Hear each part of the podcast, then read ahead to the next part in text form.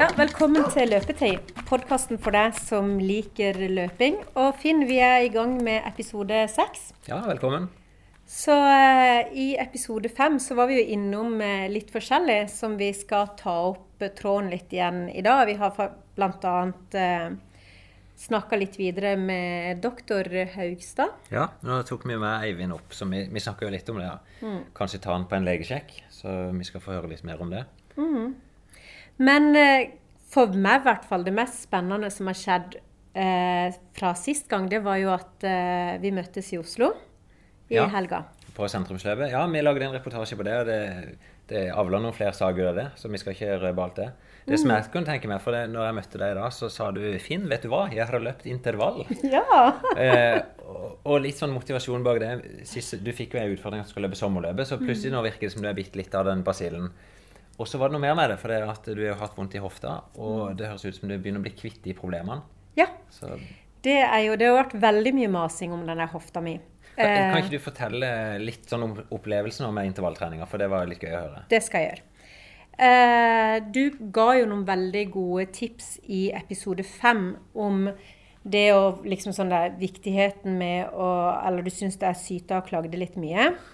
Og det kunne jeg være enig i. Jeg var faktisk ikke klar over at det hørtes så negativt ut som Nei. det de gjorde på da jeg tok det opp. Men i hvert fall så skulle jeg ut og løpe intervall igjen. Uh, og jeg bestemte meg én for å ikke ta tida. Ja, så bra. Du droppa klokka? Jeg droppa klokke. Uh, og jeg droppa å ta opptak. Ja. For det jeg trengte å bare være i liksom løpinga.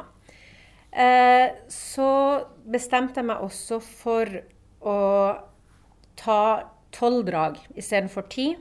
Og da gi meg den muligheten til å løpe litt roligere i begynnelsen. Jeg får jo nesten tårer i øynene. Det er veldig fint. ja. Og det, er, det, fungerte veldig, veldig veldig bra. Så det kan jeg virkelig anbefale for dere som har slitt litt med det også, eh, at det blir ekstremt tungt på slutten. Og jeg vet ikke, det er nesten som magi. For det jeg sa til meg sjøl før jeg løp at jeg skulle løpe tolv drag, ja. eh, så var det, det var ikke snakk om å stoppe på ti.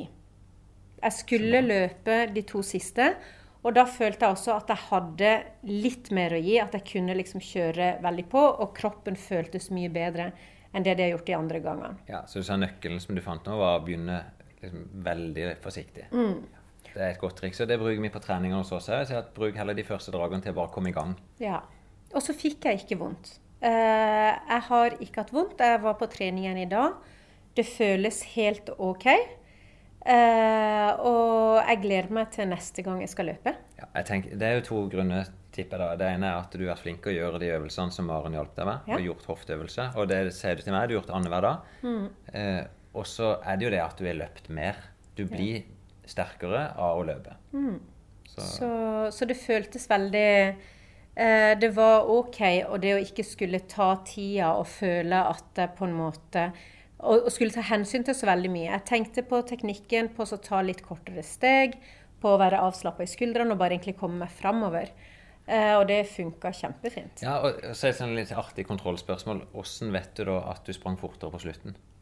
Eh, fordi jeg spurte meg sjøl, i hvert fall annenhver runde, hvor jeg var hen fra en skala til mellom 1 og 20. Det er fantastisk. Eh, og jeg var nok eh, Jeg var kanskje ikke like høyt oppe på slutten. Så, eller da jeg kom til 10, så spurte jeg meg sjøl om det. Og da følte jeg kanskje at jeg var på sånn 16. Og da tenkte jeg OK, nå tar jeg to drag hvor jeg kjører skikkelig hardt. Og prøver å liksom sånn Sånn som Eivind gjorde litt, at han spurt, spurta på slutten. Så eh, Og det føltes veldig bra. Det funker. Jeg er egentlig veldig imponert. Altså, du, du tredje intervalløkta du gjør, mm. og så høres det ut som fasit. Du gjør det sånn som en trener vil at du skal gjøre det. Og det er mange som bruker mange år på å få dette til. Og jeg tror jeg, bare det å tørre å droppe klokka, bare stole litt på seg sjøl, det, det, kan bli magi, som du beskriver ja, ja. sjøl. Så det, er gøy. Og det med 1 til 20, det er kjempekult. Den skalaen, ja. Det, det, funker. Jeg hadde aldri trodd det. Jeg trodde ikke noe på det da du sa det. Men uh... Nei, og det er ikke meg som har funnet det på. Det er jo noe de kaller Borgs skala. Mm. Og de bruker den på Olympiatoppen f.eks. når de tester utøvere der. For de har funnet ut at det, det er den mm som funker best. Ja. ja. Så, uh, men skal vi tilbake igjen litt til Oslo, da? Uh, og jeg skal jo jeg skal løpe et eller annet på sommerløpet, men jeg har jo ikke bestemt meg ennå. Hva? det er ikke så nøye, men, men det er lurt å ha bestemt seg at du skal. Ja. Det er smart. Så det må bare ikke regne den dagen. Det betyr ingenting. Hvis Det- du klarer det, så Nei, men det jeg kan si der, da, i forhold til regn og løp Jeg som løpsarrangør, det eneste jeg syns synd på når det regner, det er de som er tilskuere. Oh, ja. Og det syns jeg er trist. liksom Vi prøver å lage ei stor pakke, og noe av det kommer å se på, og det er ikke gøy å stå og se på et løp i regnvær. Men for oss som løpere, altså i løpet, så kommer ikke du til å merke noen ting av det. Okay. For da er du faktisk inni deg sjøl. Hmm. Du, vi møttes i Oslo. Ja. Det Eh, og det var noe vi snakket om sist. Jeg skulle inn og løpe der. Så, og da, du var på date, skjønte jeg. Det var litt overraskende for meg.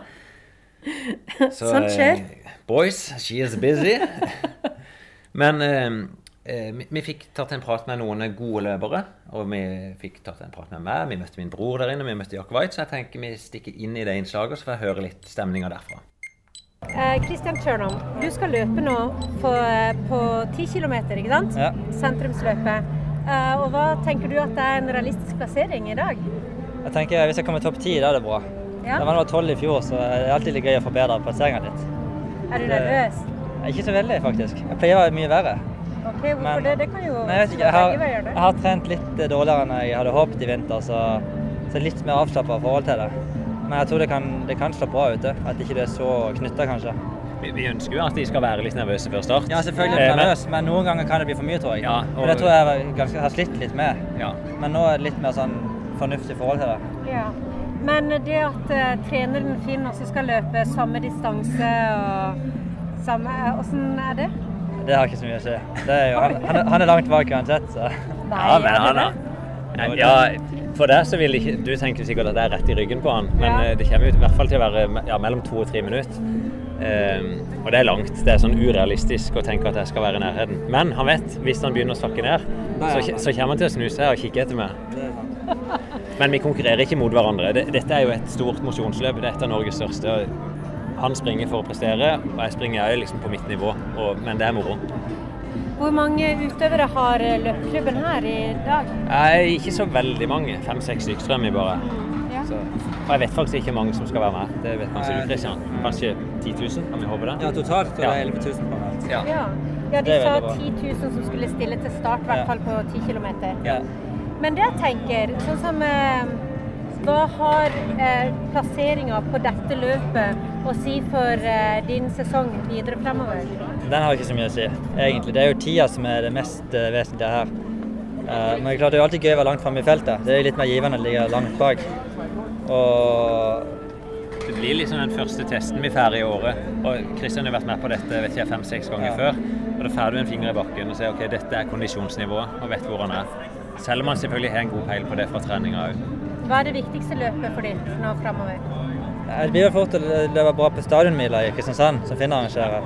Eller det elitestevnet tre dager før. Begge de løpene vil jeg løpe bra på. Ja. Så det er fortsatt god tid til å trene litt før, eh, før det løpes fort. Og da skal du være nervøs? Da skal jeg være enda mer nervøs. Men noe som kunne være interessant for de som hører på, det er jo hvordan du varmer opp til en 10 km.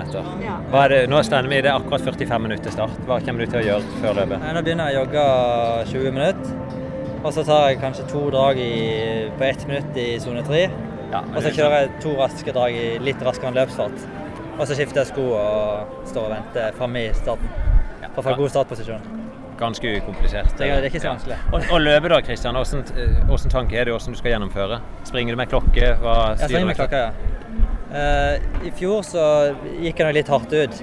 Så i år blir det å prøve å passere på en sånn grei tid halvveis. Og så vet du at den siste halvdelen er litt, litt lettere i det løpet her.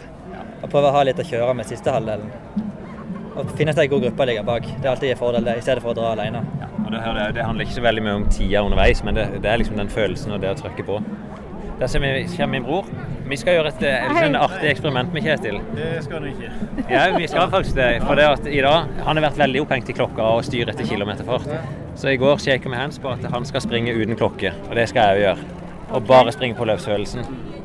Hva tenker du om det? Nei, det er jo litt skremmende. Eh, Jeg er jo veldig vant til å se på klokka egentlig hele tida. Men kanskje litt befriende. Kanskje mest befriende. Jeg tror jo at han kommer til å oppleve det. at eh, du lytter til kroppen og, og, kommer litt mer til å, å springe på den gode følelsen. Antageligvis. Det kan jo være at jeg spør noen underveis hvor lenge, hvor lenge det har gått. ja. Men eh, når du sier at du løper etter klokka, er det eh, etter pulsen? Etter... Nei, tida eller kilometer per time. Så jeg ser hele tida hvor fort jeg løper, og så, så blir jeg kanskje enten så blir jeg stressa, eller så blir jeg fornøyd. Ja. Mm. Er det ikke bare å vinne over broren? Det er jo umulig. er det like urealistisk for han å slå meg som var for meg å slå Christian? Og det er helt uakseptabelt. Da syns jeg du skal i hvert fall prøve. Selvfølgelig skal vi prøve. Jeg skal prøve. Ja. Så, men du har, vi har snakka om det i siste episode også, det å løpe på den følelsen. Ja. Men hva skjer når du blir nervøs og, og, skal prøve å finne den følelsen? For du sier jo at da går pulsen litt opp. Ja, men det er det som gjør det er veldig vanskelig å styre da, etter puls og klokke når du er nervøs òg. Eh, så Derfor er mitt råd egentlig bare spring og kjenn på farta, eller kjenn på kroppen hvordan dette kjennes ut. Og så, så, kan det nok være at mange da har en tendens til å åpne litt for hardt. Så det gjelder liksom å avstemme litt sånn med hodet ditt at hvis du plutselig ligger først, eh, hvis min bror ligger først, så skjønner han at det, det er jo ikke her jeg skal ligge. Nei, så da må han roe ned, så ja. la deg gå forbi, og så kan han eh, løpe videre. Ja. Det er med Jack Weitz. Skal vi ta et par ord med deg, Jack? Vi driver og spiller inn podkast podkasten din. Ja. Er du hei. hei, hei. Er du hørt på han sjøl? Mm? Er du hørt på han? Skal jeg ljuge, eller skal jeg si noe ærlig og oppriktig? Nei, ta ljug. vi, vi, lager litt sånn om sentrumskjøpet òg, bare liksom ta inn ja. stemninga. Så du kan godt spurt han det litt. Ja, eh, Hva betyr egentlig det å ha et sånt et løp som mosjonsløp i Oslo helt nesten i begynnelsen av mai? Det er klart det er viktig for alle mulige aspekter, både for bredde og for elite. Det er en viktig, eh, viktig dato for eh, løpsmiljøet, uansett hvilket nivå de er på. Hvorfor det? Nei, Det er jo det første store løpet. da. Så det er eh, rett fra superundertøy til kortbukser. Ja. Så, så, det er mange spente mennesker som skal ut og løpe. Det er klart det er en, det er en test på hvordan du ligger an for de beste. og for de andre så er det jo et mål nettopp det å å være mosjonist og ha noe å se fram til. Og det tenker Du har jo fulgt eh, disse løpene og utviklinga av løpsinteressen. Mm -hmm. eh, kan du si litt om det? Hvordan det har blitt nå i forhold til hvordan det var kanskje ti år siden? Ja, Hvis vi går enda lenger tilbake, så er det jo et litt annet nivå faktisk på de som er med. Det er, eh, dette nivået for å tørre å stille opp det er langt annerledes nå enn det var. Sånn På 80-tallet og sånn så var stort sett de som var med, de var gode til å løpe.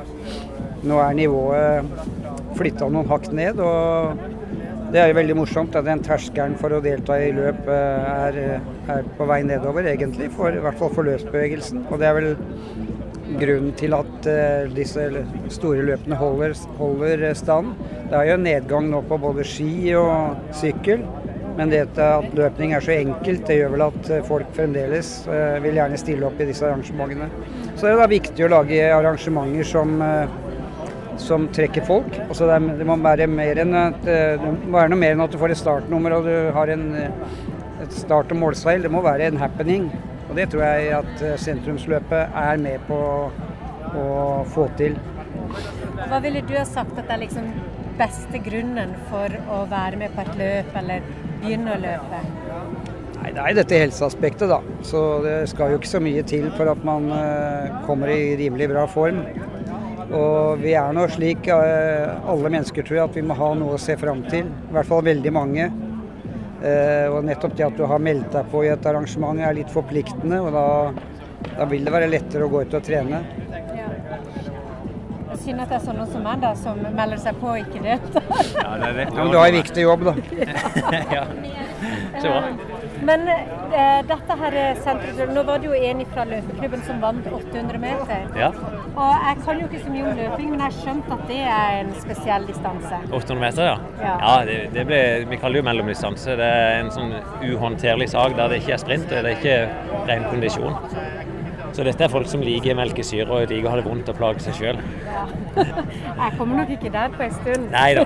Jeg vil si det er ikke for vanlige folk, disse 800 meterne. 800 meter, det er for uh for de som er litt eh, ja, på litt annet nivå.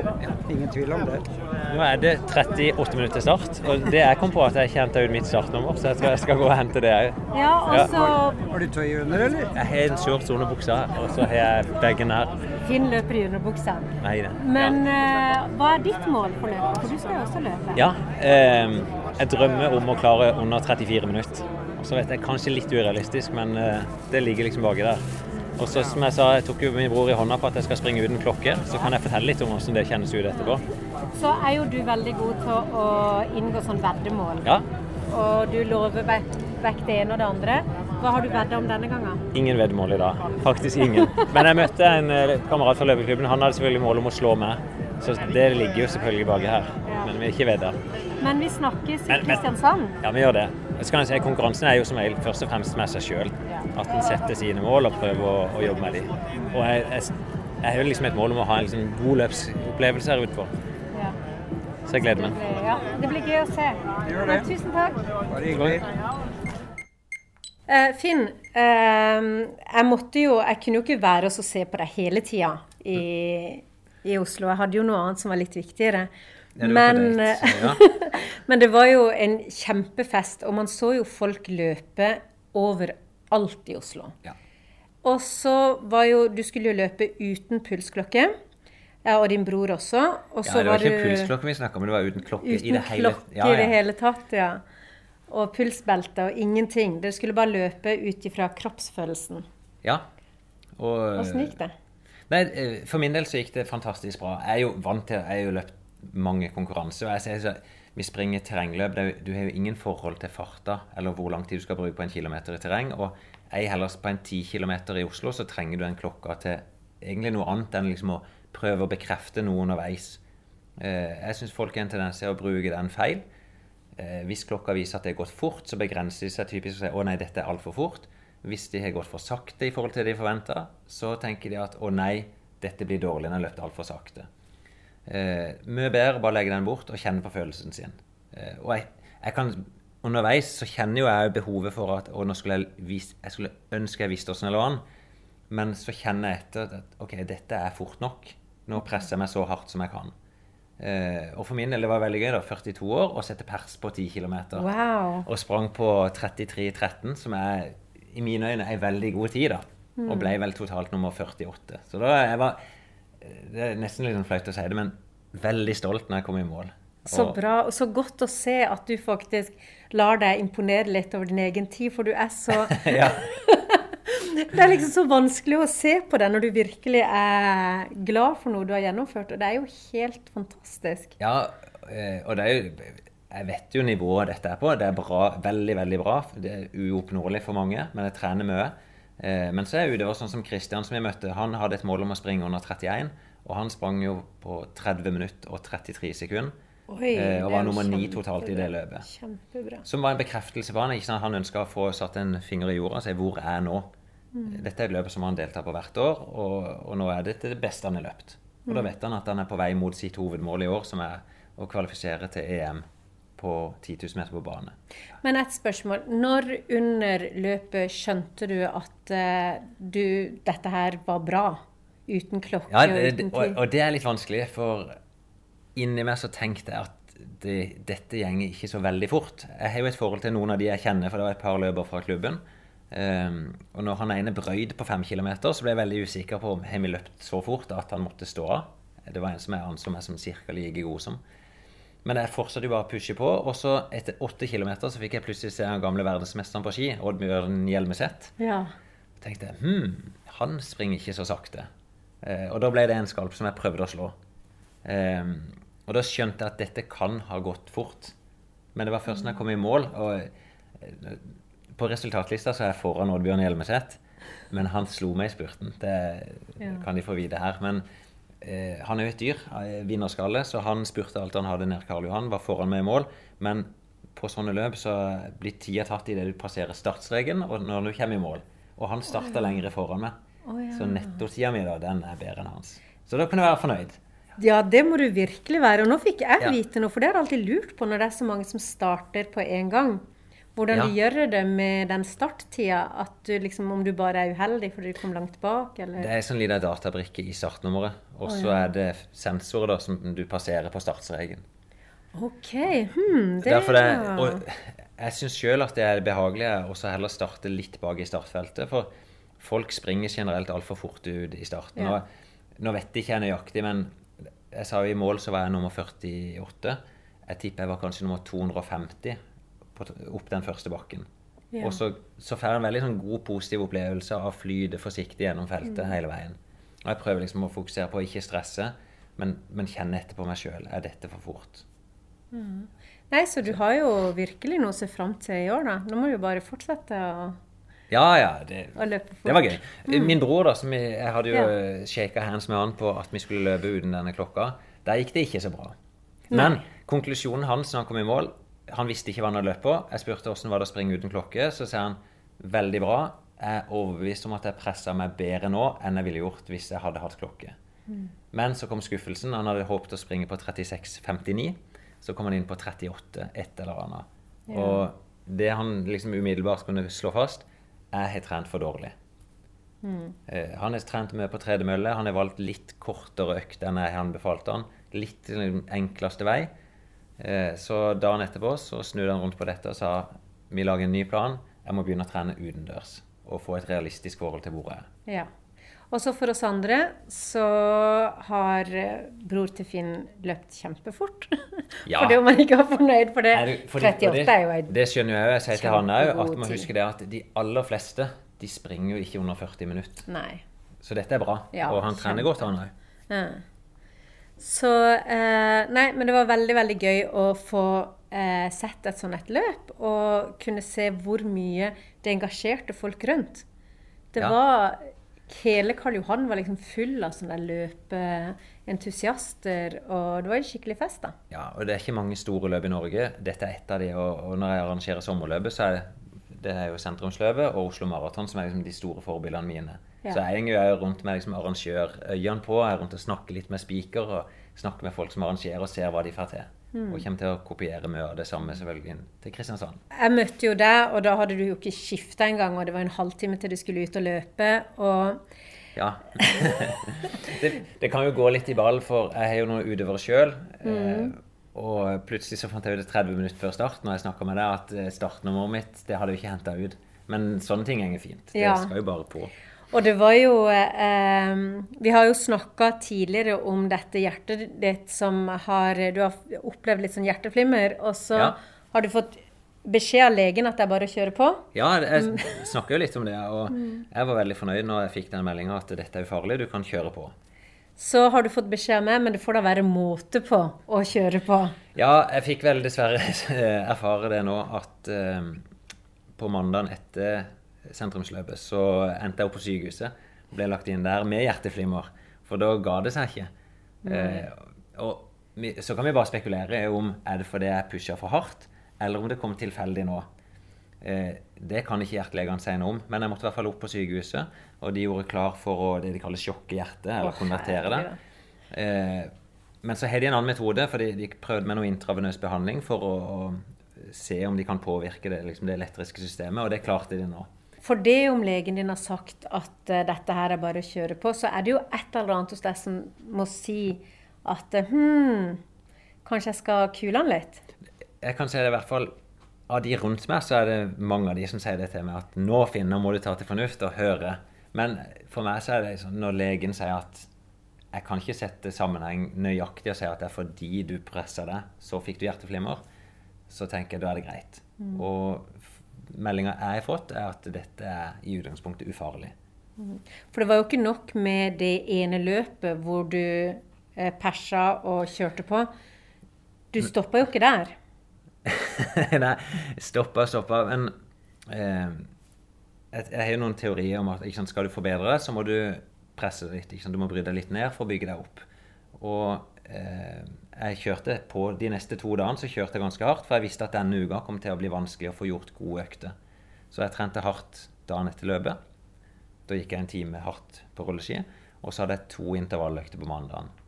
Eh, og det er tøft. Og da på kvelden da, så kom dette hjerteflimmeret.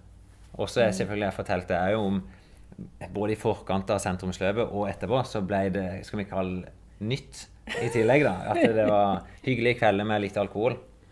Ja, og lite søvn. Og lite søvn. Så, så alle de tingene er jo ting som kan øke sannsynligheten for å få et hjerteflimmer. Så det var veldig mye nedbryting og veldig lite oppbygging i løpet av den langhelga. Det var det. Og kanskje det resulterte i at jeg havna på sykehus og måtte ta grep for å få hjertet i normal rytme. Ja. Det som var litt sånn gledelig for min del, da Jeg har jo lenge ønska å få gjort noe med det. Det var jo derfor jeg gikk til hjertespesialisten i utgangspunktet. Eh, nå sender de inn papiret og søker om å få operert hjertet. For nå fikk de jo seg på bånd med EKG-skjema at eh, jo, dette er en standard atrieflimmer. som vi Ja. kaller. Så Finn er veldig glad for å skulle få operasjon. Jeg syns det høres veldig veldig skummelt ut. Men eh, det blir jo gøy å følge her, i hvert fall. Så Ja, det, dette er ikke en podkast om hjertet, så, men vi får se. Ja. Det kan gå 69 måneder før, eh, før den operasjonen. Da skal de inn og svi på innsida av hjertet. Å, herligland. Ja, ja. Eh, Du får i hvert fall ha lykke til med det. I første episode så fikk jo du ei bok av meg, som vi snakka litt om i episodene etterpå, til Murakami, om Ja. løping. Og der så eh, går jo han ifra å løpe veldig, veldig mye, så blir han litt lei, og så går han over til triatlon. Ja. Og eh, det har jo òg sett det veldig på avstand, at det har blitt populært med triatlon. Og dette er jo en podkast om løping. Men hva er egentlig greia med, med triatlon? Nei, det skal ikke jeg fortelle. Eh, Nå er jo løping en del av triatlon, og derfor er det nok en del løpere som trekkes inn i det på samme måte som syklister og svømmere gjør det. Men eh, vi arrangerer jo et stort triatlon her i Kristiansand. Eller vi, en som heter Fred Arthur Asdal. Han har jo skrevet bok, jeg tror den boka heter 'Fra sofagris til Ironman'. Der han gikk fra å være det han kaller sofagris, og han definerer seg fortsatt som sofagris, til å fullføre ekstrem triatlon. Eh, og jeg fikk han ned i studioet vårt her og tok en prat med han, så vi kan godt høre litt hvordan han forteller om triatlon sjøl. Men da står vi her med Fred Arthur Asdal, som er leder for Trikvart. Og folk lurer sikkert litt på hvorfor har vi dratt inn triatlon i en sånn løpepodkast. Eh, kan du si noe om hvorfor du syns det er interessant å være her, Fred? Du har selv bedt om å få lov å komme inn. Ja, det er jeg altså gjerne. Jeg er jo glad i å løpe sjøl. Eh, men jeg er jo en sånn en som ikke klarer å bestemme seg, da. Jeg tenker at uh, triatlon er en idrett for, uh, for de som ikke har forstått at én sport er nok, da. Nei? Uh, og bare løpe. Uh, jeg liker å sykle, jeg liker å svømme, jeg liker i og for seg å trene styrke også. Og Sånn sett så synes jeg det er morsomt med, med triatlon som en, en trippel utfordring. da. Ja, for meg så har jo alltid triatlon vært helt ekstreme. Det har vært noen løpere som har vært med på triatlon, men det, det er jo, de har vært med på Norseman. Men konseptet ditt er jo litt annerledes, da. Ja, både òg. For det, det er jo det fleksibiliteten i, i sporten ligger. da. Jeg har vært med på Ironman-konkurranse og Norseman-konkurranse sjøl også. Jeg. Og eh, det er jo gjerne sånn at eh, race hard for one day and brag for the rest of your life. Altså, eh, Triatlon bygger veldig ofte på myten om hardt og umenneskelig. da. Eh, Men eh, triatlon er også en eh, mosjonsidrett, og, og distansene er ikke alltid så lange. Ikke sånn ekstremt lange. Og det vi har i, i Kristiansand, er jo en, en mye kortere, eh, overkommelig eh, utfordring for de som, eh, som vil være med. da. Ja, Du kan jo fortelle om konkurransen òg, så folk vet hva det er for noe. Ja, Trekvart er jo en, en uh, konkurranse som foregår i, i Kristiansand sentrum siste helga i, eh, i juli. Og da har vi uh, to uh, distanser, en kortløype og en lang løype. Og Ja. de som er med på den korte løypa, de, eh, de vinner kanskje på, på en time. Eh, Og de som er på en langløype på rett i underkant av to timer. Og det er kjempelenge for, eh, for mange. Ja, Så det er ikke så galt sånn i, i løpstid, faktisk. Men det innebærer litt svømming. De svømmer er det 500 meter på den korte løypa, og er det en 1500 meter på den lange. Ja, så Ja. Det, Den korte løypa er jo i utgangspunktet halvparten så lang som den lange. Men vi har Ja. jo vært litt pedagogiske med, med sørlendingene og hatt en eh, enda litt kortere svømmedel. da. Stemmer. Og så er det sykkel, og da sykler de er det 20 km og 40 km. Stemmer. Og så er det løping til slutt, og da er det 5 og 10, er det ikke det? Ja, Ja, og da så. er jo du på hjemmebane. Er, ja, absolutt. Og vi har stått eh, som funksjonærer for disse løperne og, og ser selvfølgelig at mange er veldig gode. Men jeg treffer jo igjen mange av mine løpere da, i løypa der. Ja, jeg vet jo at du har et stort nettverk. Du har jo truffet noen av disse nært sagt unge eliteutøverne våre eh, tidligere og sett at de er flinke til å, å løpe. da. Ja. Sånn som Christian Blummenfelt og Gustav Widen. De løper jo veldig veldig raskt eh, etter at de har svømt og sykla. Eh, Ja, men, og, og da kan jeg si grunnen til at de er der, er fordi at du arrangerer norsk mesterskap samtidig. ja, og det arrangerer vi jo nå til sommeren for, eh, for tredje året på, Ja. på rad. da. Men liksom, ok, det er litt om det arrangementet du skal ha. Men det som jeg syns er litt artig, for å promotere dette, så er du tatt tak i noe som du kaller sofagrise. Ja, altså jeg, jeg har jo et uh, hjerte som, uh, som banker. Jeg har jo selv skrevet en, uh, en bok med undertittelen 'Fra, fra sofagris til Ja, Iron Man'. Eh, og, og det er jo Triatlon kan være en idrett som spenner fra det ene til det andre, men det som er aller gøyest, det er å følge en sånn en utvikling fra noen som da i utgangspunktet er håpløst utrente, til da å, å lykkes med det prosjektet de har satt seg. Og det å stå på en, en målstrek, som jeg har gjort nå eh, noen ganger, og, og se at noen som blir nummer 276, strekker armene i været og jubler som om de har vunnet, da blir jeg så glad at jeg nesten tar til tårene. Stemmer. Og, men disse gutta, hvordan har du valgt de ut? Det, har de meldt seg inn frivillig, eller har du funnet de i nettverket ditt? Ja, altså de har måttet, eh, de har måttet søke. Så sånn Ja. sett må de erkjenne sjøl at det står dårlig til. da. Så jeg har jo ikke kunnet tvangsrullere noen. Men du sier gutta, og det er jo et, eh, et, eh, et munnhell. Fordi at vi har seks sofagriser, og fem av de er jenter. da. Oh, ja. Så vi har bare én gutt. Eller én mann, da. Eh, Men, men det er jo også et, et, et veldig fint, syns jeg, da, at, eh, at jentene, eller damene, da, også omfavner eh, triatlon. For eh, på den korte løypa i fjor så hadde vi faktisk en kvinneandel på 51 Ja. Og det er en udiskutabel eh, norgesrekord, eh, faktisk. For vanligvis ligger det på 20-25% Så at eh, damene i Kristiansand eh, eh, finner glede i en sånn en utfordring, det er supergøy. Men Kan ikke du fortelle litt hva du skal gjøre på veien med disse? Ja, det, det handler jo eh, om eh, flere ting, selvfølgelig. Det er en reise som vi nå starta i, i februar, og som skal slutte i slutten av eh, juli. Så det starter jo i, i, i hodet, da. Ja, Fem-seks måneder før de skal ut og prestere? Ja. Og, og, og da eh, er det jo noen som da er håpløst vanskelig å, å få i gang, så det blir som en sånn eh, litt gammel dieselmotor. Eh, Ja. Og så er det noen som setter i gang med én gang, og eh, hvis ikke vi stagger de, så er de jo skada herifra til evigheten med det samme, da. Ja, Det er samme erfaringer du har som jeg har. Ja, altså vi har vært der sjøl eh, også. Når jeg skal snakke om eh, fra sofagris til Ironman, så er det jo fordi at jeg har den samme erfaringen selv. At eh, Jeg begynte å svømme da jeg var rundt 35, Ja. eh, og nå er jeg 46.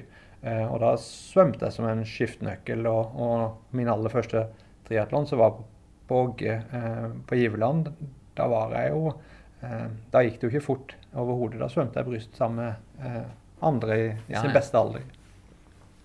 Men da, du lærer de litt opp i svømming, du lærer de opp i løping og lærer de opp i sykling. Det er liksom det som er konseptet. Ja, altså de aller fleste kan jo eh, løpe eh, på ett vis. Ja. Eh, og, og de aller fleste kan sykle. Bøygen er alltid svømminga. Eh, veldig mange kan eh, svømme i den forstand at de svømmer eh, bryst, og så har de en overbevisning at de må svømme crawl. Men det er feil. Det må de ikke. Det må de ikke. Sånn at eh, den utfordringen vi står for, er jo at eh, sørlendinger de svømmer ikke, de bader.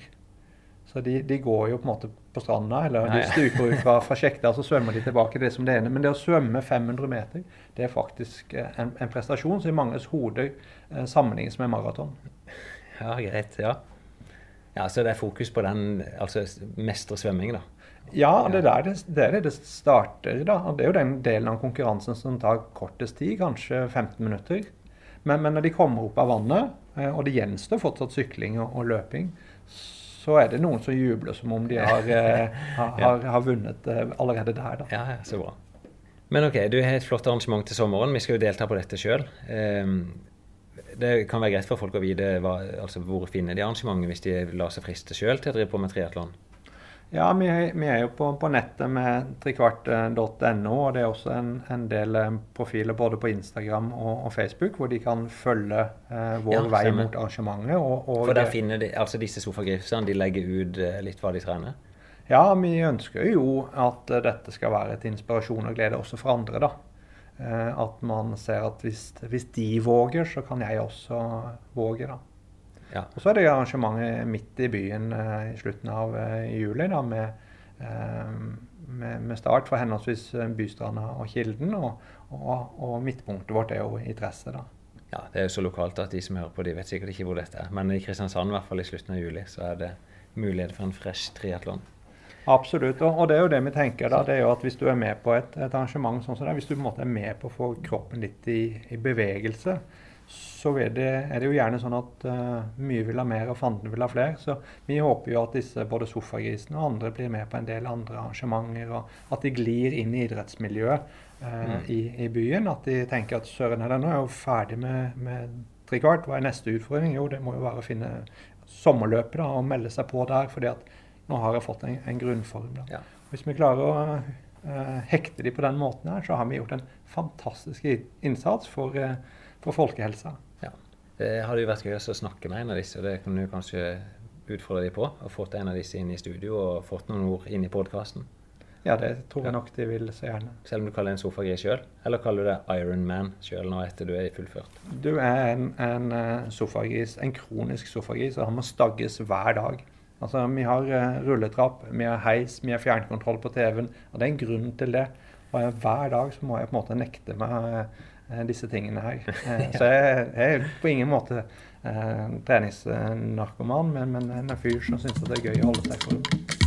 Vi følger jo Eivind da, fram mot New York Marathon. Og sist i episode fem så var broren hans, Erlend Haugstad, på besøk og snakka litt om hvordan han trener, og, for han er jo i sykt god form, han også. Og snakka litt om Eivind sin eh, vei mot eh, New York. Og du ja. tok han, eh, ja, han med han, til legen? Han er jo lege og er på et legesenter rett på sida her, så vi tok med Eivind. Og nå sa jo Erlend at dette er ikke noe vanlige folk trenger å gjøre. Eh, men vi tok han likevel med, så kan folk følge Eivind gjennom en legeundersøkelse. Og så forteller Erlend òg litt hva som er viktig, da, som, hva han tenker som lege i forhold til hva som er viktig å sjekke. Du, da sitter vi jo her eh, med Eivind på besøk hos sin bror, som er doktor Haugstad. Eh, og sist så sa du at eh, det var ikke noe poeng for han egentlig å komme for en eh, helsesjekk. Men noe siden vi her likevel. Mm, ja, det er jo eh, Nei, altså i Norge som jeg kanskje sa, eller som vi tenkte litt sist, da, så er det jo ikke noe sånn at det er noe obligatorisk uh, å ha en helsesjekk uh, selv om en skal drive med idrett. da. Selv om det er en del andre land som har det, og en hadde det før i tida på 80-tallet, at en var nødt til å ha en sånn, et sånn helsekort da, som en måtte vise fram for å drive med idrett i Norge. da. En måtte det, ha et ja, helsekort? Ja, en måtte faktisk ja. ha et helsekort. Men de, jeg tror de gikk bort fra det på midten av 80-tallet Eh, de så at det var, de fant ut det var ikke hensiktsmessig, for de fant ikke eh, nok tilfeller. Eh, at det ble kostnadseffektivt, på en måte. da. Men nå har vi fått nye metoder nå i forhold til EKG, ultralyd og en del sånne ting som, som gjør at en kanskje kunne hatt mer nytte av det nå da, i moderne tid, eller hva skal jeg ja. si. Men, så det har vært en diskusjon faktisk de siste årene om en bør ha en obligatorisk sjekk da, for å drive med konkurranseidrett i Norge. Ja. Men eh, det er ikke det nå. da, så Nå er det mer sånn frivillig. Hvis en vil ha en sjekk, så er ikke det noe ulempe. Uh, det kan være greit å bare avklare med blodtrykk, hjerte, ta en EKG. Er det, er det liksom broderlig omsorg du har tatt deg inn her med nå?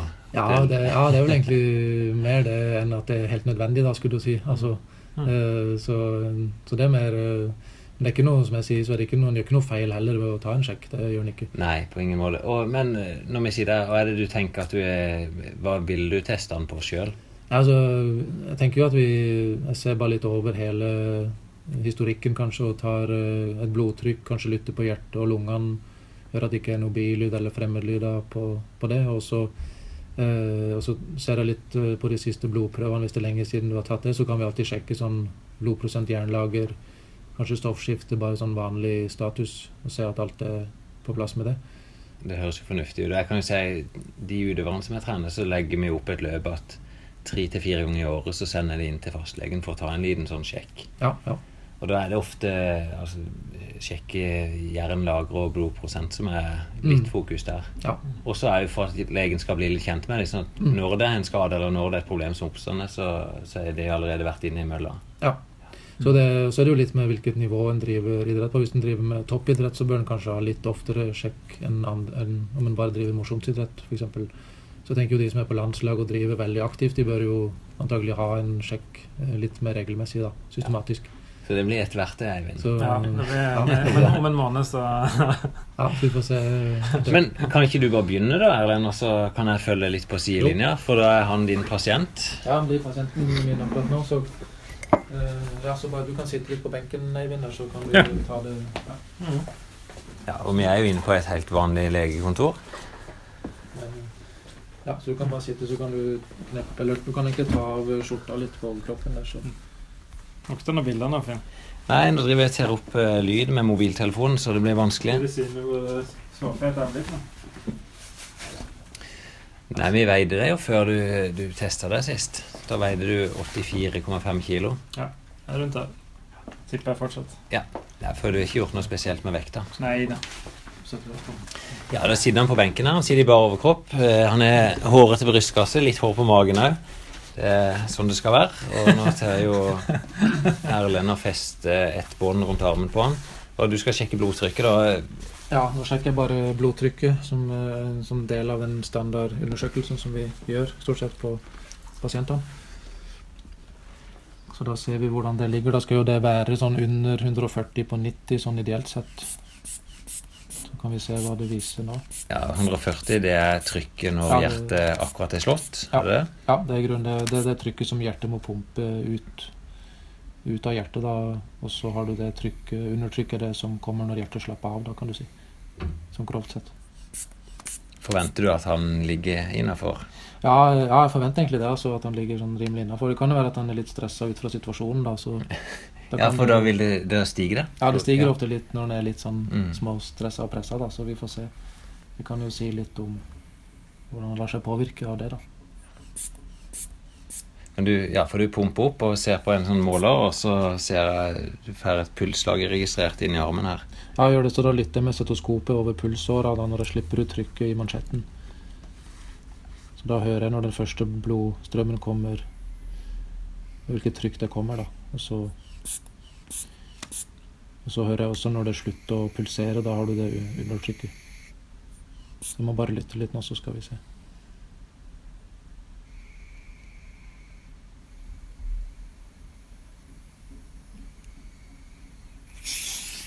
Har hatt blodtrykk før, Eivind? Ja, det, det lå på sånn 135 på 85, da. Så det holder seg innafor grensa. Men det Det høres relativt høyt ut, gjør det ikke det? jo kanskje litt høyere enn det jeg hadde forventa sånn, på en Ja. ung, frisk mann. Men, eh, men ikke noe sånn alarmerende. Så det, det er godt innafor normalen. Det er det. Ja. Absolutt. Men du det, tror jo at det kan være at han er litt stressa? Ja, det er litt, sånn, litt situasjonsbetinga med litt uh, Ja. intervju og litt sånn Ja. Det Det er ikke dødelig. Nei, det er ikke noe dødelig, så Nei, da, Du har god margin, altså vi pleier ikke å gjøre noe tiltak før trykket kommer opp i 160 på 100, kanskje, så man begynner å følge litt ekstra med på det. Ja, Hva er det du normalt vil gjøre da? Altså følge Ja. med hjelper jo ikke stort. Jo, eller vi, vi, tar noen ekstra målinger og ser om det bare er et tilfeldig blodtrykk som er litt høyt, eller om det, var, om det er vedvarende Ja, høyt. Så da vil du ta blodprøve for å sjekke? Nei, vi tar, en, tar nye blodtrykksmålinger, og av og til så tar vi også en 24-timers måling der den får gå med et apparat et døgn hjemme da, for å se Ja. eh, det, ja, hvordan det er i løpet. Men da slipper du det nå?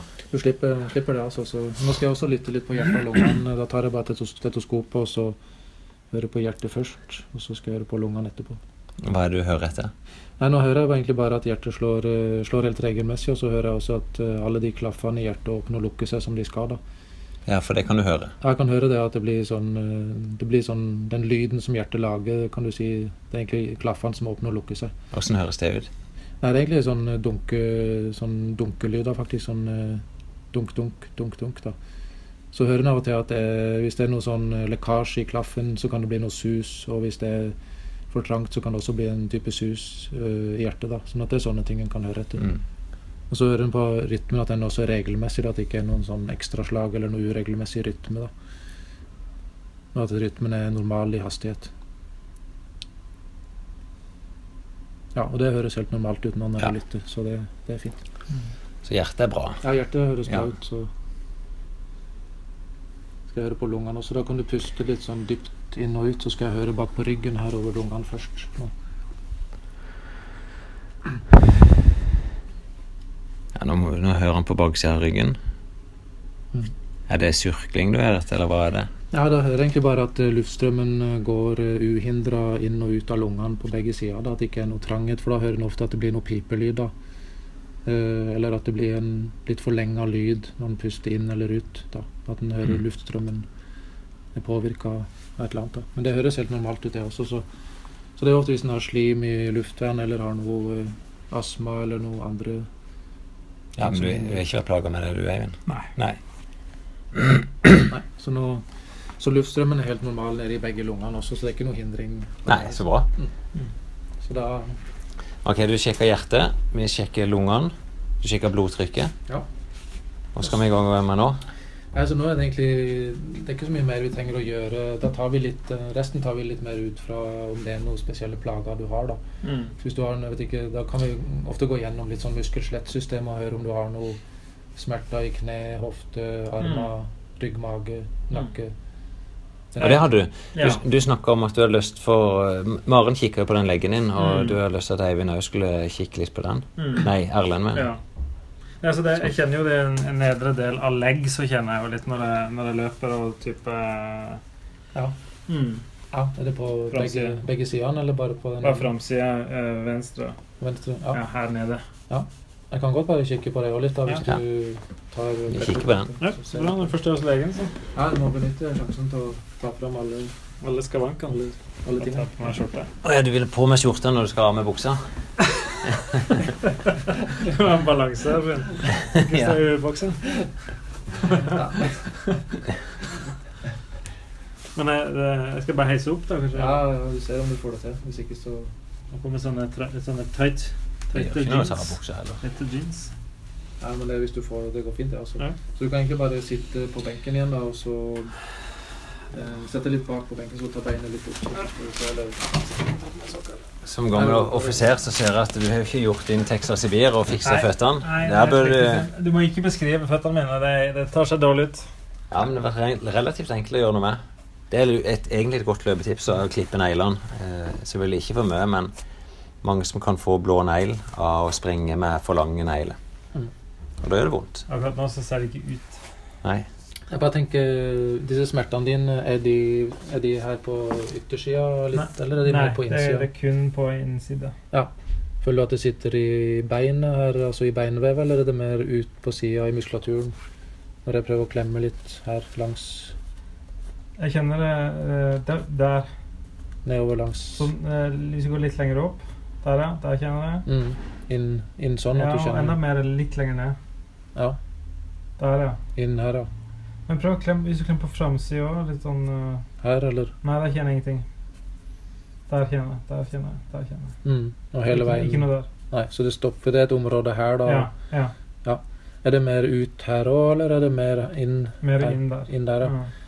For for meg så ligner det jo veldig på at det, lig- at det ligger inn mot beinhinna da, i, Ja. i skinnleggen. At det er litt sånn lettgradig beinhinnebetennelse, kanskje. ja. Rett og slett. Mm. At det er mer det enn muskulaturen. For den muskulaturen sitter mer ut, ut på yttersida her, da. Mens bein um, Og det, du har tydeligvis ikke så mye vondt der, Jeg kjenner ikke noe der. Nei, så hvis du hadde hatt noe muskulært, så ville du kjent det mye mer her Ja. når jeg klemte. Mm. Jeg kjenner ingenting der. Nei, når du er, her er jo rett ned på bein, da. Rett ned på beinhinna. Ja. Jeg kjenner det mest akkurat på kanten av beinet. der. Ja, det er ofte der en kjenner det i Ja. overgangen Ja, ok. ytre del av beinhinna der, så Ja. Så du har nok en lettgradig beinhinnebetennelse, altså det kan det virke som. da. Men det er ikke noe ille, for da blir det ofte knudret og av og til litt rødt og hovent i tillegg. ja, ok. Så du har, du har ikke noe sånn typisk sånn, og det kan også bli nesten litt sånn potetmelaktig følelse når du trykker på det. Mm. Ok. Så du har ikke noen veldig tegn til det, vil jeg si. Er det noen spesielle hensyn han bør ta, eller er dette noe han bare kan fortsette å trene med? Ja, Du kan jo egentlig fortsette å trene med det så lenge det holder seg stabilt, da. men hvis, du, hvis det blir stadig verre, så bør du kanskje roe ned litt, og iallfall ha gode såler på skoene, Mm. vil jeg si. Jeg er blitt mer obs på jeg vet ikke hva du tenker om det, Finn, men øh, jeg kjenner at det, det gjør mindre vondt når jeg løper midtfot eh, mot framfot. Oi. Så lander jeg på midtfot, eh, hel midtfot, eh, føler jeg Ja. avlaster smerten. Altså det, det får mindre vondt da, etter en løpetur når du løper midtfot framfor framfot. Det, det kan jo være det. Det eneste jeg er litt redd for av og til, hvis en prøver å tilpasse steget sitt litt unaturlig, så kan det godt Ja. være at du kan få andre vondte. Nettopp. Så jeg er litt mer enig med Erlend at det å, å finne gode såler, god oppbygging Og så husker jeg når Maren og jeg var sammen med deg, så hadde hun noen øvelser som hun anbefalte deg å gjøre. Blant annet å styrke muskulaturen Ja. under eh, føttene. Nettopp. Det har du sikkert ikke gjort. Nei. Nei. Men det, det kan jeg jo begynne med. også. Ja, du kan gjøre det. Ellers er jo ofte sånn beinhinne er jo ofte mye sånn støt og slag. Gjentatte sånne støt og slag mot foten da, som Ja. forplanter seg opp da i, i tykle, eller i skinnleggen. Ja. Men det, som vi, det du også kan få for å påskynde litt, så kan du også få en sånn gelé og massere inn en sånn betennelsesdempende gelé som vi ofte gir Mm. også. Det er jo også en mulighet, altså, hvis du vil. Funker det? Det funker ganske bra, det. altså faktisk Ja. På sånne overfladiske ting så kan Mm. du massere det inn en par ganger daglig. Mm. Veldig mye mange som har god effekt av det på, okay. på den beinhinnebetennelsen. Mm. Ja. Jeg oppfatter jo dette mer, Det er ikke sånn ordentlig skade, det er mer sånn irriterende for deg. Ja. Ja. Du, gjen, du gjennomfører økter fint, men Ja. du kjenner at det gjør vondt. Mm. Eh, og det er ofte mitt råd òg. Liksom overvåke det. Mm. Blir det verre, så må vi ta affære. Mm. Eh, og så prøve å, å gjøre enkle forebyggende ting, da, som å få såle. Og som du ser, vi kunne godt prøve den eh, Du kan prøve den geleen hvis du vil. eh, Dette er en gelé som du kan kjøpe på apotek, er det ikke det? Jo, det er det, men jeg, tenker, jeg pleier ofte å gi deg noe Rudi-geleen som er reseptbelagt, som er kanskje litt mer effektive enn de du kjøper uten resept. da. Men de er veldig greie, de du kjøper uten resept. Og sånn Ja. Voltarol, Ibux-gelé, sånne ting. Det virker ofte like bra, det. altså. Ja. Så Så- ja. ja, og det kan jo du bestemme om du vil gi han noe på resept. Mm. Det kan... Så bra. Var det, noe, det var ikke noe nytt i forhold til Maren sa her, var det det? Var Nei, samme det var, det var egentlig ikke det. Det er jo betryggende. Mm. Men sånn, eh, i utgangspunktet da, så er Eivind sånn eh, fit for fight, han. Ja, jeg vil Det er ikke noe jeg i veien for at han kan begynne å trene. Nei, det, Eller fortsette å trene. Mm. Altså det jeg tenker mer sånn med undersøkelse, så er det jo det å følge med litt på egen kropp. Og hvis det er noe som oppstår som endrer seg med pusten, at hjertet begynner å slå uregelmessig, får hjertebank, smerter i brystet, at du plutselig blir veldig tungt å løpe opp en bakke, at den fysiske yteevnen blir endra, da, så bør en gå til lege og få tatt en sjekk. da. Men Mm. utover det, hvis en føler seg eh, frisk og ting er stabilt og greit, så er det ikke noe sånn at en må ta en sjekk heller, Nei. si det sånn. da. Mm. I, I forhold til blodprøve, for du sa at det kan være greit å ta en sånn test av blodet hans. Hva er det Skal vi se på det? Ja, vi kan se på det òg, da. Ja. Så vi kan bare Så det kan vi jo um, få gjort. Nå, nå rekker vi ikke å gjøre det i dag, men jeg kan sette opp en labteam. For det bør helst tas før klokka to da, for å få sendt det inn. Å ja, Eh, ja. Men jeg kan sette opp en time til laben. er Bare senere. Så Ja, vi er jo kontor rett på sida her, så Ja, da kan du... Men da har jeg jo sett når jeg har vært der sjøl, og er det et skjema som du krysser av på? Og hvilke ting er det du tenker å krysse av for Eivind? Jeg tenker jo egentlig bare, som jeg sa litt i stad, bare sånn blodprosent, jernlager, eh, eh, kanskje bare sånn stoffskifte, nyrefunksjon og noen leverprøver. Ja. Eh, ja. Kolesterol. Ja, kolesterolet kan vi også ta som en del av hele sjekken. da. Når du, Ja. Om det, fordi Sist jeg målte, så veide jeg noen kilo eh, mindre. Skulle man ikke ha sett eh, kolesterolnivået nå? ja. Er det kolesterol? Jeg har aldri tenkt på det i forhold til trening, men da tenker Nei. du mer i forhold til egen ja, jeg helse? tenker mer i forhold til en generell helsetilstand. da. Så det er ikke sånn at, du, at det har noe så mye å si i forhold til trening. Men, det sier litt om risikofaktor hvis du har et veldig høyt kolesterol eh, sammen med litt høyt blodtrykk og kanskje litt arvelige faktorer i tillegg, så har du jo en litt økt hjerterisiko Ja. i forhold til hjerneslag og hjerteinfarkt. Men det ligger jo ofte lenger fram i tid, da. Men eh, sånn jeg tenker der, så vil det være gunstig for han å trene uansett. Mm. Så hvis Mm. disse verdiene er høye, så vil det liksom ha dobbel effekt. Mm. Trening er jo med å påvirke de tingene på en gunstig måte. da. Ja, så bra. Ja, så. Er det noen tilfeller der du ville sagt at disse bør være forsiktige med å trene? Altså hvis det er noe du finner på han? Ja, hvis jeg hadde, hvis jeg hadde funnet veldig høyt blodtrykk eller, og veldig høye kolesterolverdier, så ville jeg kanskje avklart det litt nærmere før jeg anbefalte å presse seg maksimalt. Da, for da kan det jo Ja. være ting med hjertet, at en har fått noen avleiringer i blodårene Ja, som kan gi en økt risiko i forhold til hjertet. da. Mm. Eh, Så da, da, kan, da, da kunne det hende at jeg hadde sendt videre til en hjertespesialist hvis du skulle trent veldig aktivt. da. Eh, Og tatt en ultralyd kanskje av blodårene. Og og en arbeidsbelastning på med EKG. da. Men det, Mm. det er sjeldne tilfeller. Det er bare hvis det er veldig høye verdier og høyt blodtrykk, eller at risikofaktorene er store. da. Ja. Så i de tilfellene så vil jeg ikke tenke sånn. Nei. Men da, da tar vi først du fyller ut et skjema, setter han på en test på det, Ja. og så erklærer vi han foreløpig frisk Mm. med en liten irritasjon i beinhinna. Ja, Ja. jeg tror vi konkluderer med det. Tenker du med det, Evin? Er du fornøyd? Jeg er veldig fornøyd. Ja. Veldig fornøyd, for jeg vil fortsette å trene. Ja, det er bra. Da sier vi tusen takk. Du, jeg følger jo med. Jeg er jo en eh, ivrig radiolytter. Og P3 Kristine hun intervjua noen i Blood Command og snakka om at de jo brukte mest til løping, og mente at Summon The Arsonists var den beste løpelåta ever. Og hva er greia med å løpe til musikk? Ja, det var jo gresk. P3 Kristine, altså hun er radiovert på P3. Ja. Og et program som heter Blood Command. Det er ei gruppe, ja. Ei eh, Ja, musikkgruppe. ja så, så de er verdt å kåre hva de mener er den beste løpmusikken? Eller hun sa da at hun løp til de, Ja. og at det var kjempebra. Og så prøvde jeg å høre på den låta, da. For jeg tenkte OK, Ja. hvis hun løper til det, så kanskje det var noe for meg. Kanskje jeg får opp tempoet litt med det, men da ble jeg jo helt skremt. Det var skikkelig heavy. Ja. Eh, og ja, så lurer du på hva som er den beste musikken. Ja, ja hva skal så- til for å liksom sånn finne den beste løpemusikken? ja, Først kan du snu spørsmålet og så si skal du faktisk løpe med musikk. Er det bra? Ja, Ja, det kan vi jo spørre om. Det kan er vi spørre om. Ja, For du gjør det tydeligvis. Du hele tida. Alltid. Ja, du bruker musikk til alt. Ja. I utgangspunktet syns jeg det er bra. Eh, For min del så er det sånn at du, du vil nok aldri se toppløpere bruke musikk når de presser seg hardt. Eh, Ok. For, for det handler litt om fokus, hvor du skal være her når du gjennomfører hardøktene. Så de fleste løperne de, de dropper musikken på rolig tur. Når du bare skal få tida til å gå, så syns jeg dette det er bra. Men så er det jo sånn Jeg ser at mange kaller mosjonister, eller folk som er i trening, at de, de prøver å la seg motivere av musikken. Eh, og da er, Du må jo finne musikk som du liker. Det er jo så enkelt som det.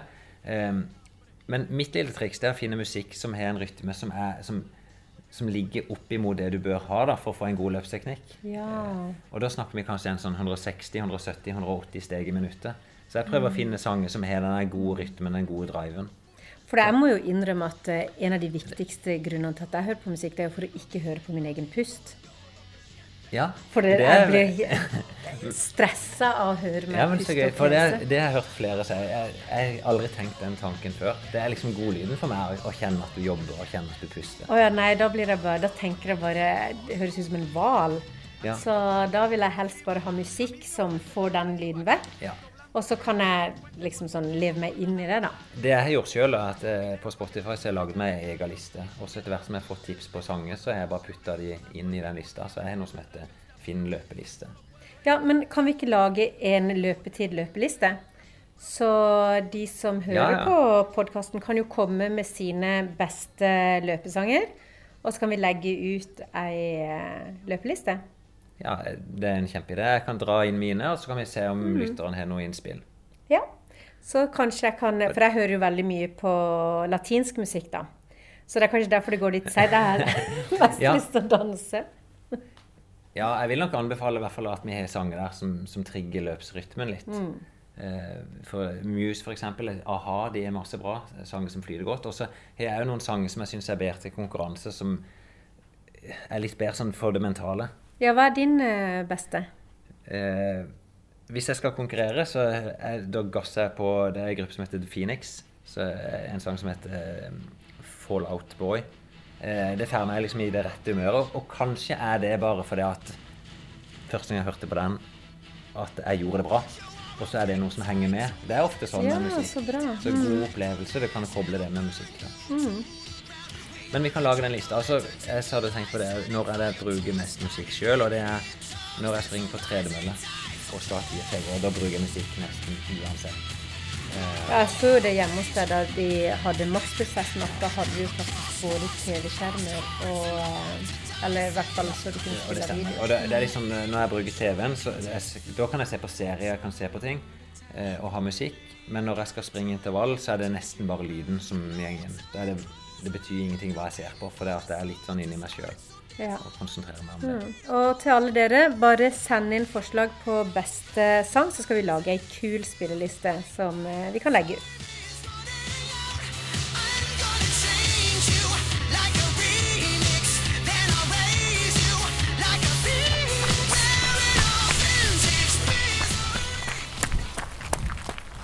Så det, Maren, hva vil du snakke om i dag?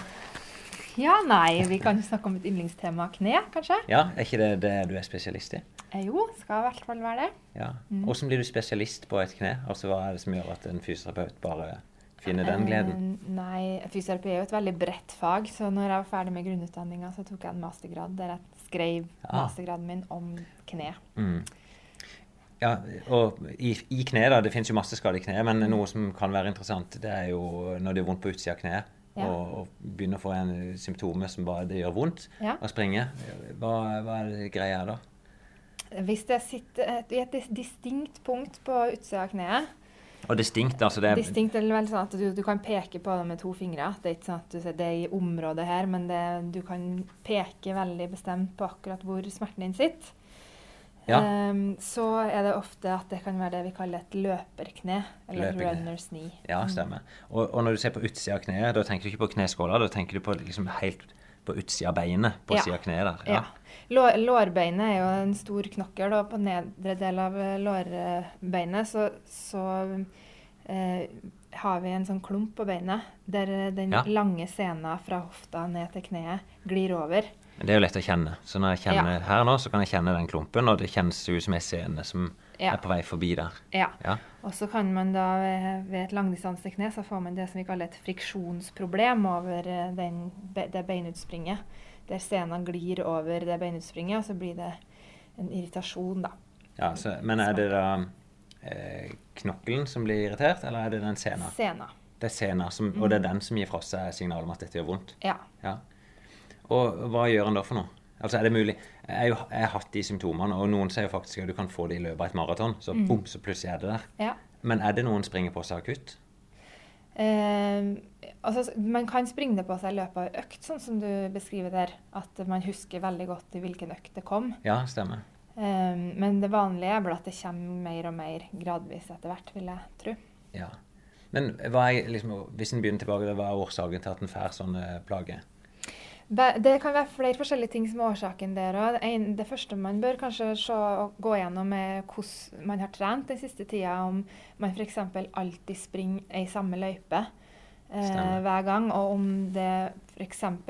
Eh, kan være sånn at du springer på skeiv asfalt, sånn at det blir en, en uh, ujevn belastning for beina dine. Det Ja. er en sånn typisk årsak til at man kan få vondt i, på den plassen der i kneet. Eller at man springer alltid med den samme veien, sånn at grøfta blir på ei side. Så, at det, det blir Ja, så, så det ene beinet får ei større belastning enn det andre, og Ja. så kan det overbelastes? Ja.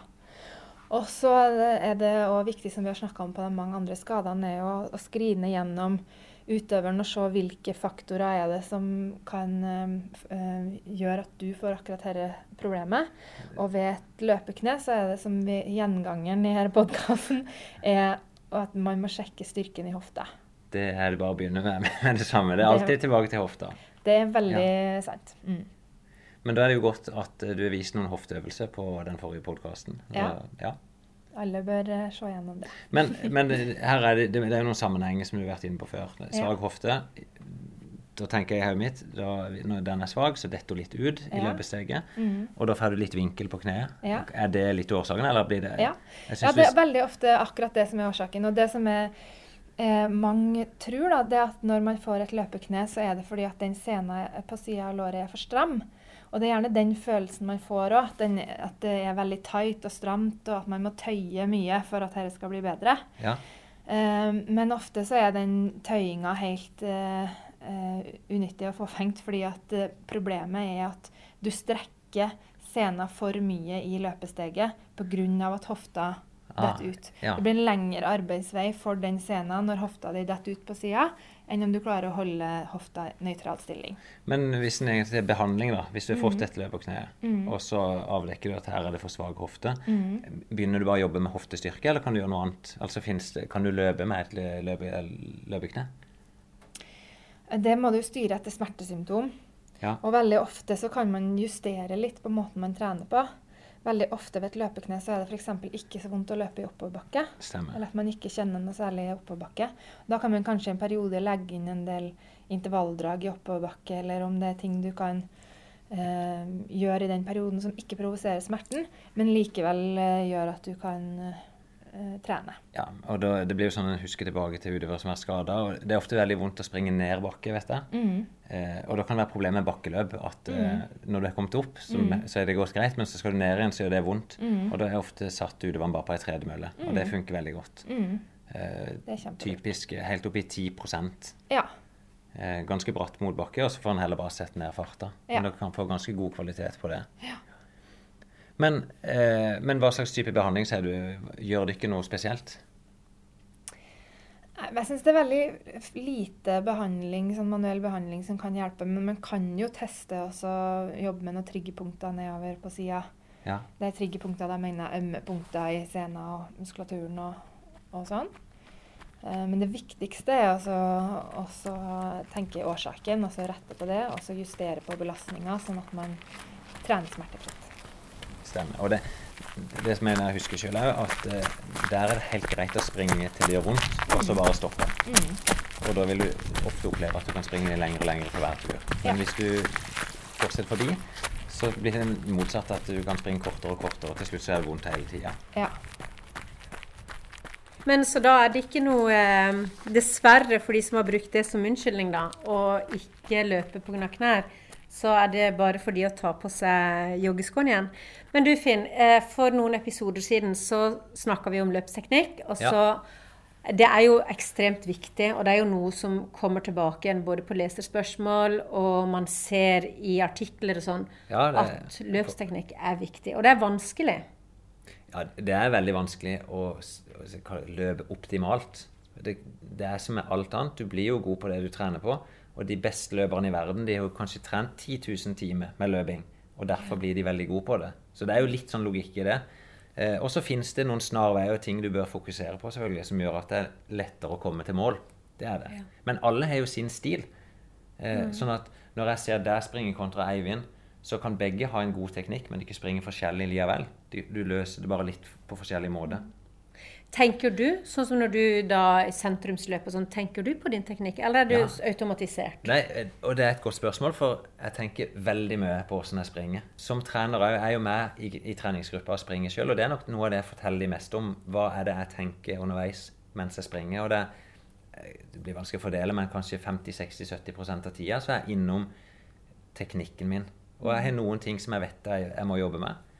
Eh, og, og det ene er, og egentlig en veldig sånn vanlig ting, det er jo liksom å sette foten for langt foran seg. Så jeg har et tankesett inni hodet at jeg skal ikke ha ankelen foran kneet mitt. Så jeg prøver liksom å føre kneet litt spisst fram, og så få det fort ned i bakken før ankelen pendler fram. da. Så, så det er liksom inni meg. For du ser ut som du har hjul når du løper. Ja, eh, jeg har liksom høy bagpendel, liksom at Mm. det slippes Men det er litt for langt opp jeg slipper det bak. Og som gjør at det er typisk da, når, når den pendler litt for langt bak, så er det lett å få en stem.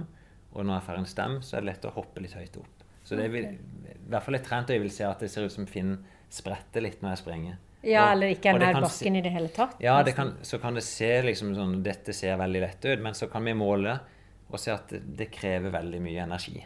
Ja. Så, og det ønsker du heller ikke. Så en god løpsteknikk da, det kjennes igjen med at du bruker lite energi for å forflytte deg. Og det kan vi måle.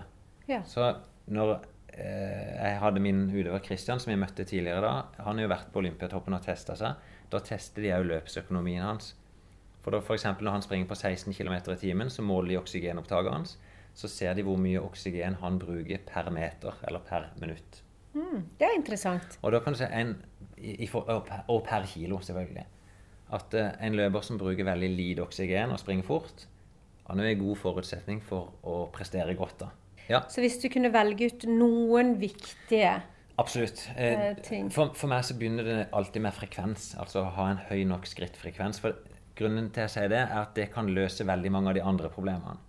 Mange mosjonister, eller mange som begynner med løping, de springer med for lange steg eh, og en sakte frekvens. Altså få skritt i minuttet. Mm. Det kan føles naturlig. Da jeg snakket om det før, av en eller annen grunn, så fra skolen òg, så husker jeg liksom lang ut steget, Finn. Så er det egentlig motsatt. At du heller korter ned steget. Du får flere steg i minuttet, men det gjør deg mindre skadeutsatt. For hvert Mhm. steg blir, det koster litt mindre. Det er lettere å få treffe bakken i fart bakover. At Mhm. du har ikke tid til den stemmen. Ja, for det tenkte jeg faktisk på sist gang jeg løp intervall. At det skulle bare eh, liksom sånn Jo kortere steg som mulig. Ja. Eh, og, for jeg hadde jo veldig lange steg, da. Ja, og så, så er det jo egentlig motsatt. Altså Til syvende og sist så skal du ha lange steg, men du må, du må ha høy frekvens og Ja. kraft på bakken i skyvet. Mm. Så, og du oppnår det motsatte hvis du strekker foten fram. Da får du den stemmen jeg snakker om. Ja. Du, du sperrer imot. Og når du sperrer imot, så bremser du, og så spretter du opp. Mm. Som ikke er framdrift. Så egentlig så ønsker du å treffe bakken ofte med kraft som skyver deg fram. Mm. Og det er liksom det viktigste. Ja, eh, men du må prøve å få inn en naturlig og høyere skrittfrekvens. Det vil lønne seg. Det er jeg, nummer én. Og så er det litt sånn Du må være i balanse. Mm, At eh, du, du, skal ikke, du skal ikke lene deg fram. Eh, Noen sier til meg det ser ut som du lener deg fram. Det gjør jeg ikke. Jeg ligger bare i balanse. Sånn helt lett tyngdepunktet litt hellende fram, men ikke sånn at du, du faller framover. Mm. Da ligger du fint. Og selvfølgelig ikke at kroppen er vridd, men du kan bare stille deg rett opp og ned. Så vidt du lener deg fram, da er du i fin balanse. Mm. Og så er det dette med rumpa, da. At uh, hofta skal være framme. Hvis rumpa detter ned, Mm. så får du et lite effektivt steg. Ja, og det var jo det du sa til meg da jeg løp første gangen med deg. At uh, rumpa datt veldig ned. Og med topputøverne så bruker vi veldig mye Eller ikke mye tid, men de trener styrketrening for hofte og rumpe. Det er liksom det viktigste området vi trener styrke. Det er ikke store biceps eller store brystmuskler som de kan bruke på stranda, Nei. men det er rumpemuskel og hoftemuskulatur for å klare å holde hofta fram. Mm, og det kan de også bruke på stranda. Det er sant. Ja. Nå, nå vet jeg ikke om langdistanseløpere om de er kjent for å ha ei flott rumpe, men de er veldig effektive rumpe da, for å drive løping. Det er ikke så dumt. Men i hvert fall så er det det å prøve å holde kroppen så rett som mulig, og tenke at du skal framover. Jeg sier ofte til utøverne mine at de skal føle seg liksom stolte. Altså mm. du, du er høyreist og nesten trekker seg litt sånn opp etter håret. Eh, jeg prøver å bruke sånne bilder som Tenk deg at du springer på Karl Johan, og du er masse publikum. Da vil du naturligvis være sånn høyreist. Opp Mhm. med brystet, Mhm. fram med hofta, og liksom vise deg fram. Da har du ei veldig god grunnholdning for å springe bra. Ja. Og så har jeg jo sagt før, så, så handler det etterpå det om å bare la ting gå i den retninga Mm. du skal. Men du skal ikke tvinge kroppen, du skal ikke tvinge armene til å stikke rett fram. Men du lar det gå i naturlig bevegelse. Da, da er det et godt utgangspunkt. Så, ikke sant? Høy skrittfrekvens, høy oppreist holdning mm. og ting i, i naturlig bevegelse der du skal. Ja. Så kan vi jo si da at eh, for de som ikke har fått det med seg, men eh, vi bruker jo lyden av sånn metronom. Ja, På, og den raskeste metronomen som vi har med, er på 180. Ja, og det er lettere. Du kan laste ned på mobilen din og så bare spille den av. 180 er ganske fort. og Det er sånn typisk intervalltrening, så bør du ligge oppi der. På en joggetur så bør du nok ligge mellom 160 og 70 i hvert fall. Mm. Og det føles unaturlig fort for mange. Men når du har trent det litt inn, så vil det gå mer og mer naturlig. Så, så det er en fin måte å gjøre det på. Det andre er jo, hvis du skal finne ut åssen det er å springe så er det så enkelt at få noen til å filme det. Ja. Eh, Og jeg tror nesten alle jeg filmer, så sier de etterpå Oi, er det sånn? Eh, Oi, rumpa mi henger visst litt ned. Mm. Eh, Og på de fleste kameraene også, så kan du filme både selvfølgelig vanlig film, men også i sakte film. Mm. Så kan du se litt mer detaljer. Men så er det ikke sånn at for det om du har sett det, at det er veldig lett å omgjøre det til den perfekte løpsteknikk i praksis. Da må det bare øves og repeteres. Mm. For det må jo bli en naturlig bevegelse. Ja. Og det er det jo kanskje ikke sånn helt i begynnelsen. Nei, og jeg kan ta det med hofta igjen, for det er så lett å si fram med hofta, men det er ikke sikkert du har muskulaturen til å gjøre det. Nei. Og derfor så gjør vi styrkeøvelse for hofta. Og det kan jeg virkelig anbefale. De øvelsene som eh, ble lagt ut på Instagram. Det går kjempefort å gjøre de, og det er veldig veldig effektivt. Og man merker med en gang når man, eh, at om man er svak, i hvert fall jeg som var så svak i det, Ja. at eh, jeg kjente det med en gang og ble skikkelig støl.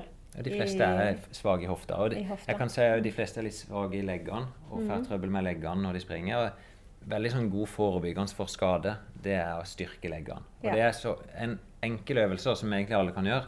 Det er De fleste pusser tennene morgen og kveld. Og det er mens du gjør det, så kan du stå og gjøre tåhev. Ja. Som kanskje bare holder seg lett på veggen, og så løfte seg opp og ned. Mm. Ja. Og så kan du spørre hvor, hvor lenge, hvor mange. Så kan jeg si fram til det svir så godt i leggene at det begynner å gjøre litt vondt, så stopper det, Og så kan det være nok. Eh, nå nærmer det seg et veldig, veldig stort løpsarrangement, Holmenkollstafetten. Ja, Og der skal du Selvfølgelig. Ja, der skal i hvert fall ikke du, for du hadde ikke hørt om arrangementet engang. Men Holmenkollstafetten er verdens største stafett. Det er 15 etappe i Oslo. Eh, Jeg vet ikke når de er 40 år gammel, i hvert fall. 15 etapper. Ja, og fordelt på 19 km. Det starter på Bislett stadion, og så går det helt opp til Holmenkollen og tilbake gjennom Frognerparken og tilbake i mål. Eh, Og etappe da er fra 300 meter opp til den lengste, som er nesten 3 km. Okay. Så der, min klubb skal ha fire lag der, og vi er elitelag. da, Det det er delt opp i forskjellige klasser, så vi har elitelag både for menn og damer. Og mennene begynner å bli så gode at i hvert fall så kan jeg drømme nå om at vi, vi drømmer om pallen. Og så er vi kanskje ikke helt der, men vi slåss liksom om å nærme oss seierspallen. Og det er bra. Da er vi en av Norges aller beste klubber. Det er jo kjempebra. Men når du sier at det er verdens største, Ja. betyr det at det kommer lag fra veldig mange forskjellige steder, da? Eller Det kommer er jo fra hele Norge. Og det, det er jo mye bedrifter, det kan være familie, det kan være klubber. Eh, Så de, de aller fleste som er der inne, er det jo en sosial event. Ja. Men det samler jo da mellom 40 og 50 000 mennesker i Oslo den helga, som er der kun for å. Det er jo veldig, veldig Så utrolig mange som engasjerer seg i disse løpene. Er det ikke sjokkerende? Jo, for meg så det, det er jo en helt ny verden. Jeg hadde jo ikke peiling på at det var så stort, at folk engasjerte seg så mye. Men eh, der skal du, og du har ennå ikke tatt ut laget ditt? Eller? nei, vi begynner å få noen skisser, for vi, vi kjører testløp og, og vi kaller det treningsløp. For testløp kan virke litt skremmende for folk. Mm. Så vi, vi trener mot Holmenkollstafetten, og så fordeler vi etappene ut ifra hvem som vi tror da er sterkest hvor. Mm. Jeg har alltid vært med på laget sjøl, og nå er jeg i veldig god form. Men målet mitt er jo at jeg skal ikke komme inn på laget sjøl. Ja, at de andre skal være såpass gode. Ja, det er enkelt og greit. Mm. Da vet jeg at da er vi sharp. Men hvis du skal inn på laget, hvilken etappe er din, da?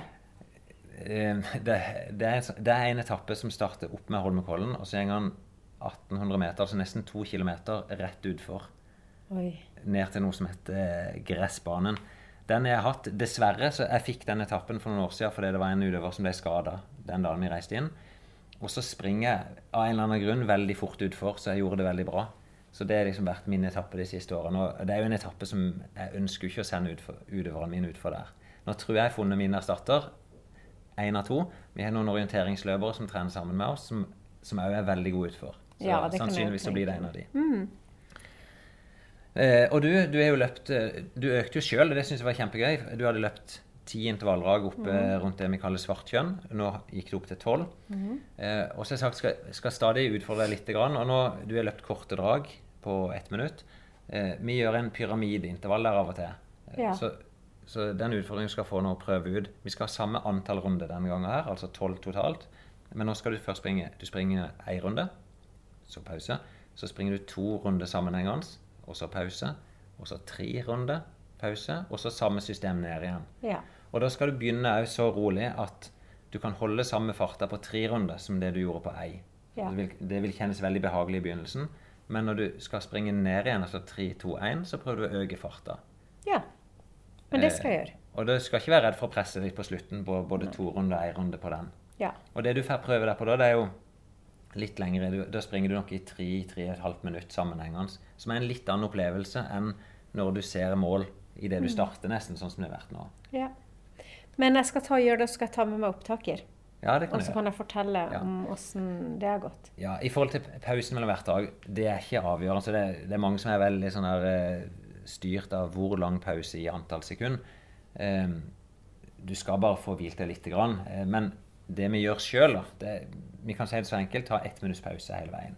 Og så tenker jeg på til neste episode òg, så Mm. uh, Vi må innom Løplabbet. Der har de mye interessant som de kan snakke om. Vi skal vel tilbake til Runners World og gripe tak i noen av artiklene og ting de skriver om der. Eivind han er jo på vei mot New York. og eh, Nå har han vært hos legen denne episoden her, og i neste episode så skal vi ha han ut på en ny intervalløkt. og, og Mm. se Og det er. begynner vel å nærme seg et løp for han også, gjør det ikke det? Stadionmila 10. Eh, juni, så det er en Ja. måned til han skal ut og springe sitt første løp. Mm, Eh, og det er bare på vei til maraton. Men nå er, han er i hvert fall der nå at eh, han har begynt å glede seg over treningen. Syns det er gøy- gøy. Han trener litt sammen med kona. Han er ofte ute. Stort Mm. sett sånn annenhver dag nå. Eh, korte økter, men har funnet gleden. Og da synes jeg nå er han i posisjon til at vi kan begynne å tenke litt sånn strukturert trening.